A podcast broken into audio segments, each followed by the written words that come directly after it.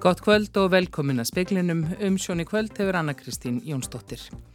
Fyrir var að laust og ámæli svert, segir framkvæmtastjóri samtaka fyrirtækja í sjávarútvegi um stöðun kvalveiða út sumarið.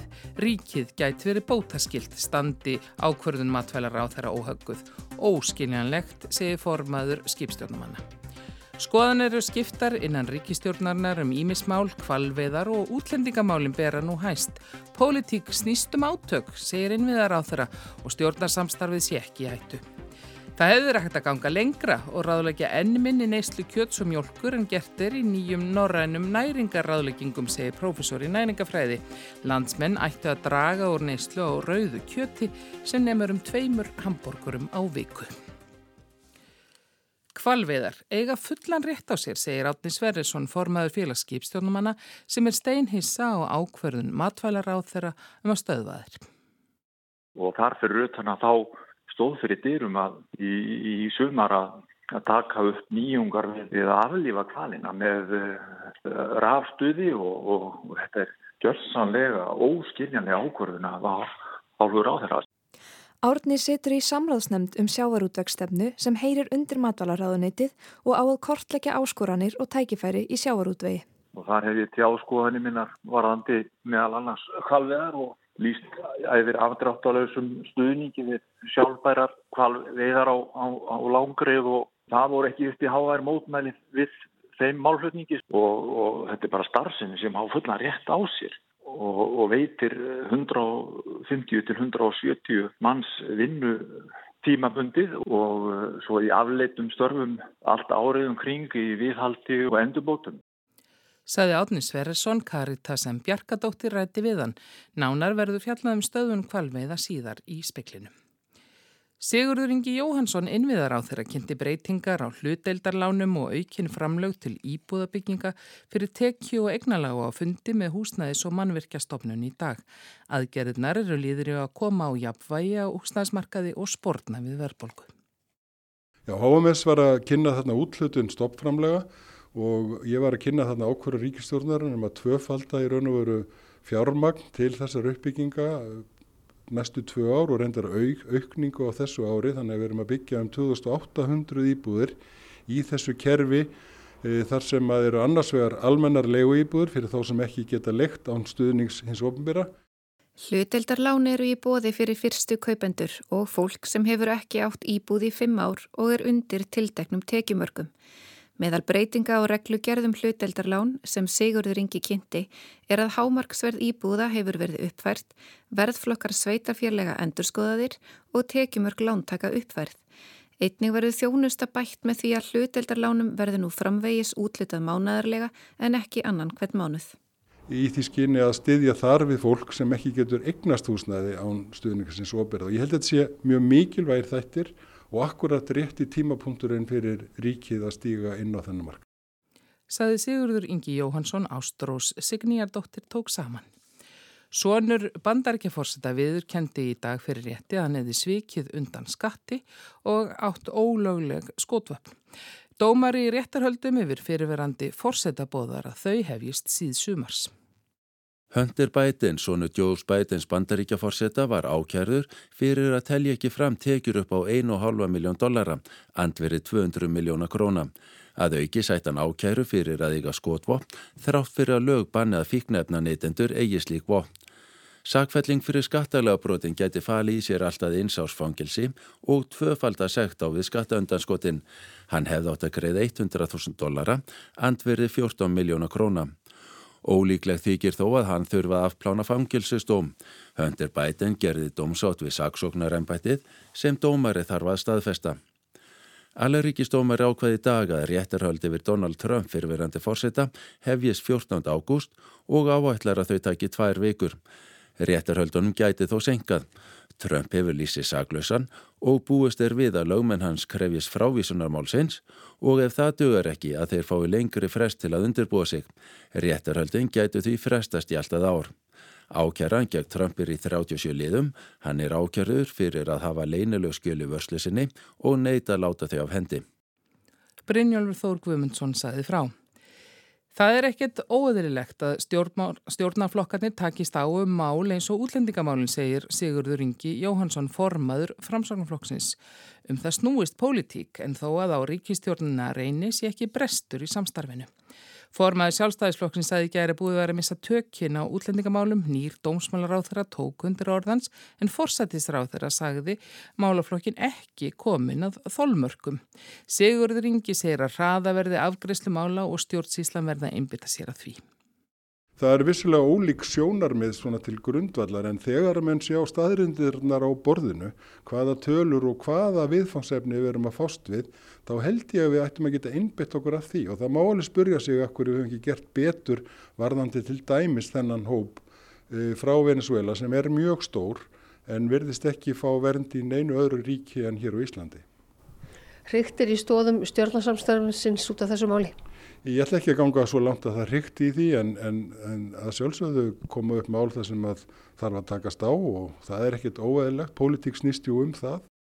Saði Sigurður Ingi við Jóhannu Vigdísi Hjaltadóttur. Átökin eru hins vega greinileg og Jótís skúladóttir, þingmaður Vafge, skrifar á Facebook að sjálfstæðismenn reyna að dreifa aðtikli þjóðarna frá fylgistappi og velti sér upp úr rasíska drullupollinum.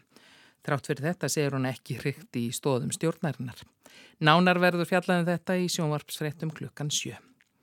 Leitað köfunafarinu Títan út á Allansafi hefur ekki engan árangu borið.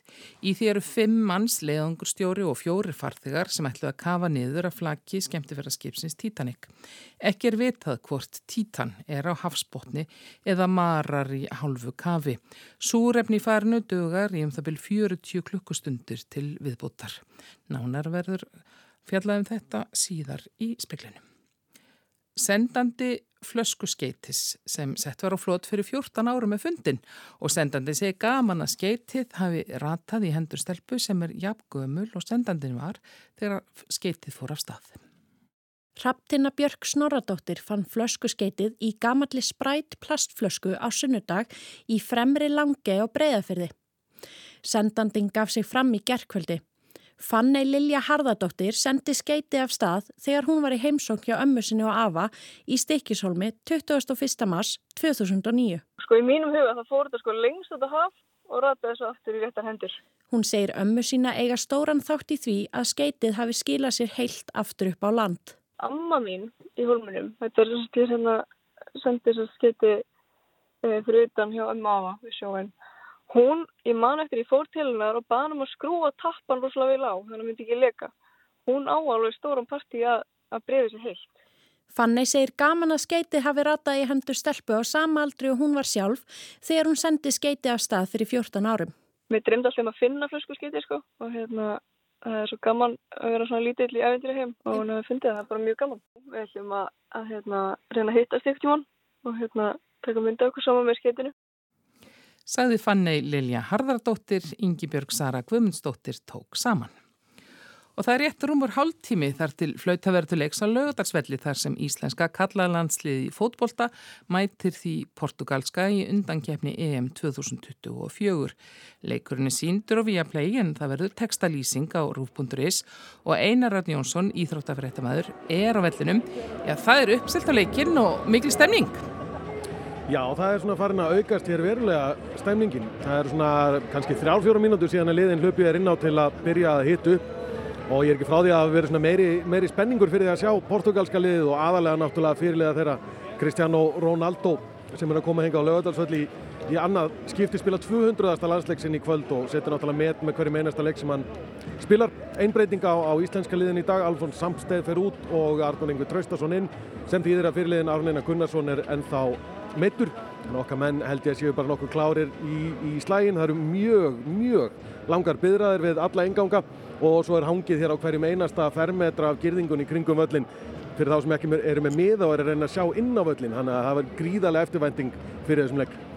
Eða við fáum að heyra meira af honum síðar í kvöld, vonum bara velgangi Einar Rögníonsson, takk fyrir.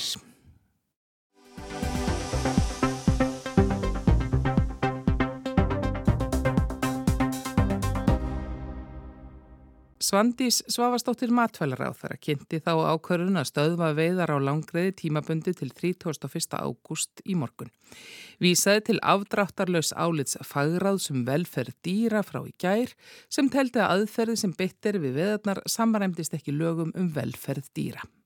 Og í ljósi þessara nýju gagna þá eh, er óásættanlegt annað heldur en að fresta upp af kvalviði vertiðurinnar þannig að það gefist ráðrum til þess að kanna hvort það sé und yfir höfuð að tryggja að veðarna fari fram í samræmi við uh, þessi ákvæði. Það má líka bara spyrja þeirra spurningar ef aðtunugreinar geta ekki tryggt að starfsemi þeirra sé í samræmi við uh, dýravelferð og lög hvort að þeir eigi sér framtíði við höfuð. Samtvild Svandís ekki hjáta því að í raun sé búið að banna veiðar út árið. Kannad verði hvort úrbætur séu mögulegar það verður ekki séð á, í augnablikinu að svo sé en, en í anda meðalhós að þá er rétt að gera það. Þetta saði Svandi Svavastóttir í hátægisfréttum. Hún tekur ákverðuna og kynnti hana í ríkistjórn í morgun af orðum Sigurðar Inga Jóhanssonar innviðar á þeirra ljóst að hann stiður ekki stöðun kvalveiða og að ekki er allir á sama máli um veiðarnar í ríkistjórninni. Það er fullt af fólki sem er bæði búið að undirbúa þessa vertið Um, það er fullt af fólki sem reiknaði með að fara að fá hér tekjur á næstu teimur mánuðum. Ég hefði farið aðra leið til að skoða að sjálfsögðu þetta álit gumgefilega sem liggur þarna til grundvallar en, en meðalhóf stjórnsýsluna get ég ekki stutt. En aðri ríkistjórn, veistu þeirra skoðan? Ég held að séu nú bara nokkuð skipta skoðanir, svona almennt á, á kvalveðum og, og hérna ég held að við eigum að við halda sjálfbærum veiðum og meðan að, að við getum gert það á, á skinsamlegan og mannulegan hátt. Þetta saði Sigurur Ingi Jóhansson við Jóhannu Vigdísi Hjaltadóttur. Vilhjálmur Birgisson, formaður verkalýsfélags Akranes, segir að stöðunveiðana hafi mikil áhrif á félagsmenn. Í fyrra hafi um 120 þeirra unnið við veiðar og vinslu kvals. Meðal laun per mánu námu tæpun 2 miljónu króna og það vissulega sér rétt að geta þess að tölvöld vinnuframlag liggur að slíkum launum. Þannig að þetta eru miklu tekjumöguleikar sem fólk er að verða af og er algjörlega ófyrirgjamanlegt í, í mínum huga að það sé verið að snifta fólk uh, lífsviðu væri uh, fimm mínútum áður en að vertiðin á að hefjast ef að þannig mórðu komast. Þetta er algjört lífskrum sem að matalaráður er að framkvæma með þessari aðgerðsynni og gera þetta uh, deginum áður en að vertiðin á að hefjast er uh, henni og hennar ráðuniti til, til ævarandi skammar fyrirvara og fordama lausa ákvörðun sem að getur ekki staðist skoðun. E, það að fresta veiðum um þetta langan tíma og án fyrirvara og í raun nokkurar stjórnsýslulegar málsmeðferðar e, þá er í raun ekki verið að gera annað en að slaufa eða leggja af veiðarnar á þessari vertið sem áttu þetta hefjast á morgun segir Heidrún Lind Martinsdóttir framkvæmdastjóri samtaka fyrirtækja í Sjávarú 2. Í mæ hafi ráð þeirra sagt að íhlutun alþingis og lagabreitingar þyrti til að stöðva veiðarnar en það hef ekki verið gert. Og það sæti fyrðu að nú sé fagraði dreið á dekk með tveggja síðna hugleðingu um velferð dýra. Við teljum að þetta álit svokallað sem að likur fyrir standist korki Já, stórsýslulega meðferð, en ég er efnislega niðurstaða álit sem stannig að á henni verður byggjandi. Það er ekki að neinuleiti reyfað hvaða ákvaði laga það eru sem að talin eru brotin þá þvert gegn niðurstöðu mast. E, og því síður auðvitað var viðhöfð svo meðferð sem að berað viðhafa þegar að þetta fagur á þeirra störfum að er, það er að tryggja auðvitað málsmeðfyrir í samræmi við ákvaði stjórnsýslulega. Og það var ekki gert í, í þessu tilviki að okkur best vitandi þar sem að leifis hafar eða haga aðilar hafi verið upplýstur um þessa meðferðmáls og þá mögulega íþingjandi ákvörðun ráð þeirra í kjölfarið. Þannig að þessi niðurstada breytir að engu leiti fyrri niðurstöðu sem að ráð þeirra hafi komist að. Þannig að það eru þetta mjög ámælisvert að núna skulir ráð þeirra stíga fram og taka þessi ákvörðun einum degi áður en að verti skal hefja og hefur hún segist ekki vafa að ef ákvarðin stendur þá baki hún ríkinu bótaskildum.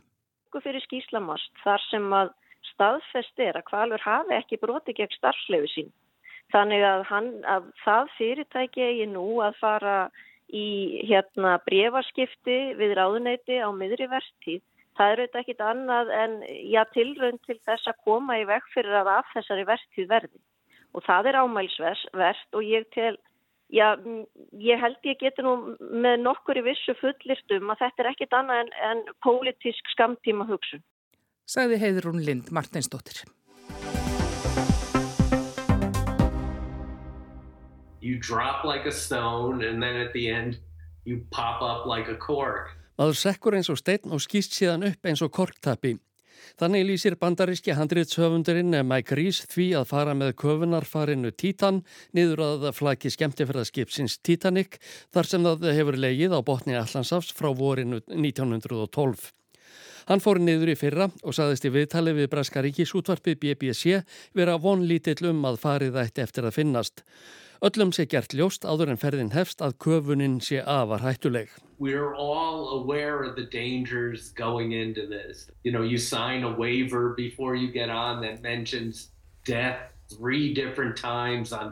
on Við þurfum að undirrita yfirlýsingu áður en ferðin hefst þar sem dauðin er nefndur þrísvarsinnum á fyrstu blaðsjöðinni, sagði Rís. Auk þess að kafa niður að Titanic hefur hann farið í tvær ferðir til viðbótar með Titan. Í öll skiptin hefur eitthvað farið úr skeiðis. Things go wrong. In fact, I've taken three different dives with this company, one to the Titanic and two others. And you almost always lost communication. And, you know, you're at the mercy of weather and that kind of thing. Samband við yfirborðið hefur rofnað og eitt og annað gerst og svo er maður alveg háður veðrinu uppi, sagði Mike Rees. Þegar hann fór nýður að Titanic fyrra bilaði ratsjá og áttavitin hætti að virka þannig að leiðangur stjórin þurfti að leita að risastóru flækinu í langan tíma. Loksins þegar 20 mínútur voru þar til ferðin upp á yfirborðið varðað hefjast fannst skemmtifærðarskipið. Rís sagðist hafa haft tíma til að taka nokkrar myndir meðan köfunar farið dólaði kringum flakið. Títan er 6,7 metra hólkur sem rúmar 5 manns, stjórnanda og fjóra farþega. Farið getur verið fjóra sóla ringa eða 96 klukkustundir í kafi og það kemst eh, niður á 4000 metra dýpi. Um borðir Stockton Russ, eigandi Ocean Gate, fyrirtækisins sem gerir farið út. Farþegarnir eru heimis Harding, breskur kaupsíslumadur, búsettur í sameinuðu arabísku fyrstadægmónum, Sjasa Davud, kaupsíslumadur frá Pakistan, búsettur í Breitlandi og Suleiman, 19 ára sonur hans. Fjörði farþegin er Paul Henri Nasjulei, fyrirverandi kavar í franska sjóhernum. Nasjúlei hefur viður nefnið herra Titanic því að ófáir hafa eitt lengri tíma við flagg skemmtifæraskipsins en hann. Nasjúlei var með í leitarleiðangri að skipinu árið 1987, tveimur árum áður en það fannst. Fargjaldið fyrir hvert farþega er 250.000 dólarar, rúmlega 34 miljónir króna. Fjallað var um Títan í fyrra í Travel Show ferða þetta í BBC þar sem eh, Stockton Ross síndi sjómarfsfólkinu farið. Hann sagði að það væri afar einfalt að allri gerð og stjórntækið væri einugis styripinni. We run the, uh, the sub with this game controller. Uh, it's uh, made by Logitech, but it's basically a Sony PlayStation style controller. Þetta er stýripinni frá Logitech og er byggður af samskonar stýripinnum og er notaðir með uh, PlayStation leikja 12 frá Sony, sagði Stockton Russ. Með honum er hægt að sigla Titan uh, fram og tilbaka og til begja hliða. Aftan á hólkinum eru tvær skrúfur á starfið hefbundnar borðviftur. Silt er með Titan að flaggi Titanic frá St. John's á Nýfundnalandi. Ferðin tekur um það byrj 2,5 sólaring.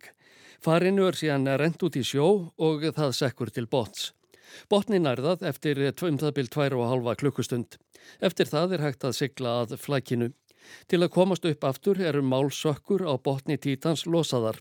Ferðin upp tekur 2,5 klukkustund. Fimmenningarnir um borð sitja á gólfinu meðan á leiðangrinum stendur. Hljómar frekar óþægilegt it's actually very comfortable and I, I actually fell asleep going down to the Titanic. Það fer í rauninni mjög vel um hann og ég sopnaði á leiðinni niður að Titanic, eh, segir Mike Rees. Leitin að Titan er mjög umfangsmikil. Flugvelar frá bandarísku og kanadísku strandgæslunni leitað farin úr lofti. Þeirra á meðal eru kavbóta leitar flugvelar. Einnig leita skip á stóru hafsvæði á Allandshafi, langt undan ströndum Kanada og bandaríkjana. Hafaransóknastofnun Fraklands ætlar að senda skip sitt eh, Atalante á leitarsvæðið.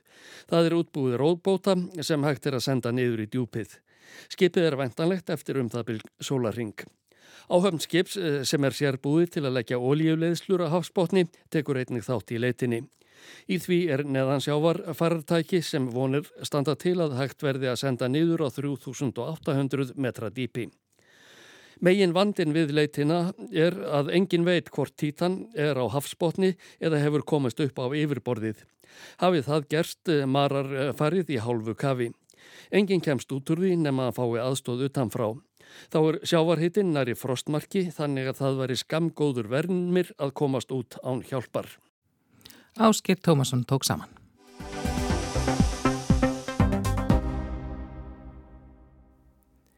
Bönir, grænmeti og ávextir eiga að vera aðal upp í staðan í matar landsmanna samkvæmt nýjum norrænum næringarráðleggingum sem kynntar voru í dag. Íslendingar ættu ekki að neyta meir en 350 gramma af rauðu kjöti á viku en borða nú um 560 gram. Kjötætum er ráði frá því að bæta rauðakjötið upp með fugglakjöti því að matvæli úr jörtaríkinu eiga að vera aðal fæðu upp í staðan og það er mælt með hófulegri neyslu á mögurum mjölkumatt.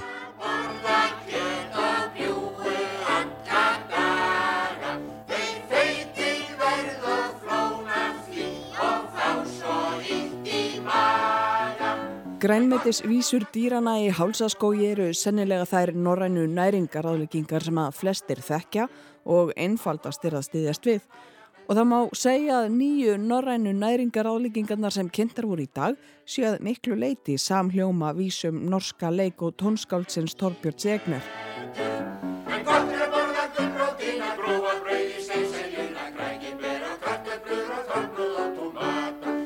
Það eru umtalsverðar breytingar á ráðgjöfunni frá síðustu ráðleggingum og þær eru sagðar af rakstur 5 ára vinnu um það byl 400 vísindamanna. Í þessum ráðleggingum er ekki aðeins tekið með af næringar innihaldi viðrunar, heldur líka áhrifa hennar á umhverfið. En hvað er svo ráðlagt?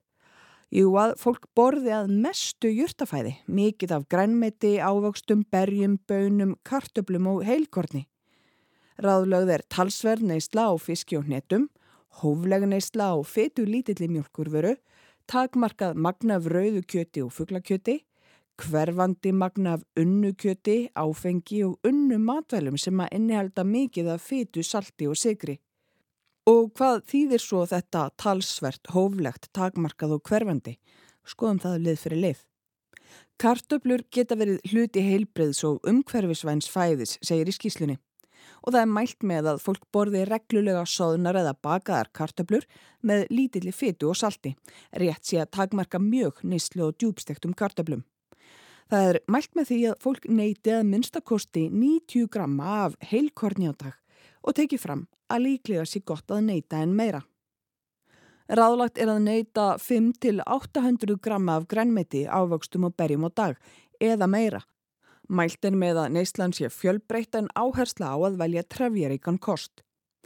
Mælst er til þess að belgjörtir verði þýðingar mikil þáttur í reglulegu mataræði Norðurlandabúa.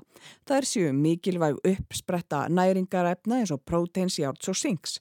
Til belgjörta teljast til dæmis kjúklingabönir, linsubönir, nýrna, smjur og svartarbönir og svo er mælt með að fólk borði um 20 til 30 gram af hnetum á hverjum degi og borði líka fræ en það er ekkert magn tilgrengt. Ráðlagt er að neyta 3 til 450 gramma fiski á viku og þar af ættu minst 200 gram að vera feiturfiskur. Og svo er það rauðakjötið. Ekki ætti að neyta meira en 350 gramma af rauðukjöti á viku, bæði vegna helsufars og umhverfis áhrifa og neysla á unninni kjötvöru ætti að vera eins lítil og hægt er. Með unninni kjötvöru er til dæmis átt við reyktan mat eða saltaðan, beikon, pilsur eða slikt. Og það er sérstaklega tekið fram fyrir kjötætur að ekki sé ráðlagt að bæta upp minna af rauðu kjöti með því að borða meira fugglakjött, það er vegna umhverfis áhrifa. Þvert á móti ætti fólk heldur að draga úr neyslu á fugglakjöti og færa sig yfir í jörtafæði eða fisk. Í norrænu næringaráðleggingunum er mælt með hóflegri neyslu á mögurum mjölkurumat. 350 til 500 millilítra á dag ættu að duga til að uppfylla þörfa á kalki, jóði og B12 vítamininu ef að fólk neytir bauna, græns, grænmetis og fisks í nægilegu magni. En ef að fólk neytir ekki mjölkurvara er bent á að hægt sé að bæta það upp til að mynda með júrstamjólk með viðbættum næringarefnum. Mæltir með því að dálítið af eggjum sé á borðum landsmanna en ekki mikið. Og gleymum ekki feitmetinu. Ráðlagt er að neyta 25 gramma af einhvers konar grænmitis ólíu á hverjum degi og takmarka neyslu og smjöri og til að mynda kókosólíu. Ávakstarsafa má neyta í svo litlu mæli en gæta skala því að börn fái takmarkað af honum. Og svo er ráðlagt að sælgetisneisla sé á skornum skamti. Og mælst er til þess að fólk haldi sig alfarið frá áfengi, ellegar drekki það í mjög miklu hófi. Inga Þórstóttir, prófessor í næringafræði, satt í nefndinni sem að leiti vinnuna. Speillin mælti sér mót við hana þegar að var verið að kynna ráleikingarnar og spurði hverju hefði helst fyrir breytt frá því síðustu ráleikingum sem voru gefnar út fyrir áratug. Það eru fastari og ákveðnari ráleikingar fyrir ansi marga fæðuflokka. Við höfðum ekki magn síðast og höfum ekki haft það áður e, fyrir um tíu áru síðan og uh, það er líka tekið til, til umhverfis í ráðleggingunum um matvælinn. Maður skinnjar að það er svolítið þungi í þessu hjá okkur. Já, það er mikill þungi en það er líka breytt uh, svið í vísindunum. Við höfum fyrirlíkjandi svona kerfisbundin yfirlitt sem að meta margar, margar rannsóknir og það sem er kallað alþjóðamáli meta-analýsur og svona Eh, þar sem er eh, farið og reiknaði gegnum niðurstöðu margra, margra rannsókna. Þannig að þetta er líka vísindavinnan hefur líka breyst á þennan hátt og e, það er þungi vegna þess að við höfum einfallega meira á gögnum og meiri upplýsingar. Þarna eru ráðleggingarnar bæði út frá í raun og veru hvað er holdt fyrir fólk að borða og hvað er gott fyrir jörðina. Bæði næringin og svo umhverfs áhrifin í einhverjum tilvökum þá hlýtur þetta stangast á og hvort var þá ofan á?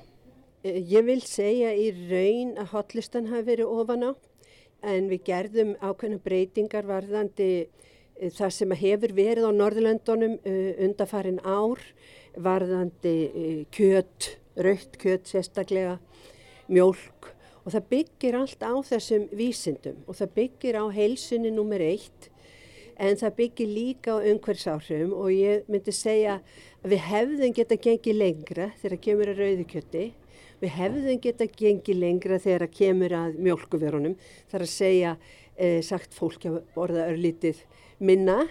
Eh, þetta er ekkert voðalega stór skref sem við hefum tekið þó að það séu ákveðin skref. Eh, ég meina Íslendingar í dag þau borða rúmlega 80 gröma meðaldali að rauðukjötti fullarnir Íslendingar á dag og þá er líka þetta kjött sem er í ímiskonavörum og, og, og kjötti sem við borðum bara sem steik og, og í, í potrætti og allir saman.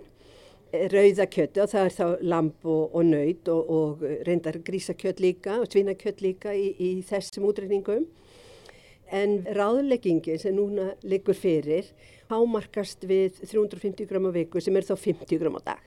Þannig að þetta er auðvitað breyting en hún er samt ekki sko óeyfirstíganleg eða svakalega stóri eða mikil eins og sumir, ég hef heilt sko sumir á Norðurlöndunum hafa tekið því þannig. En e, ég held ekki og mér sýnist fólk hérna heima er mjög bara í jafnvægi yfir þessu finnst mér. Og við vitum líka að Íslendingar höfum ekki notað öll þau tækifæri sem við höfum í grænmetisrækt. Til dæmi, svo ég takki bara lítið dæmi og við eigum náttúrulega núna að ganga í það að, að prófa okkur áfram með korn, grænmeti, jafnvel ber, einhver áherslu kannski að vera svolítið stórtækari þarna. En það er ekki svo leiðis að ráðlíkinn að segja ekki borða neitt kjött, ekki drekka neina mjölk, alls ekki. Þetta er svona, myndi ég segja bara hóflega framsett Saði Inga Þórstóttir, professor í næringafræði, Ragnhildur Torlasíus sagði frá. Veðurhorfur til miðnættis annað kvöld eru þær að það verður vestlæg átt og stöku skúrir á morgun en bjartviðri vestan til síðdegis. Hiti á bylnu 5 til 17 stig og hlýjast sunnanlands. Fleiri er ekki speklinum í kvöld, tæknimaður var Jón Þór Helgason, Margret Júlia Ingimarsdóttir stjórnaði frétta útsendingu, veriði sæl.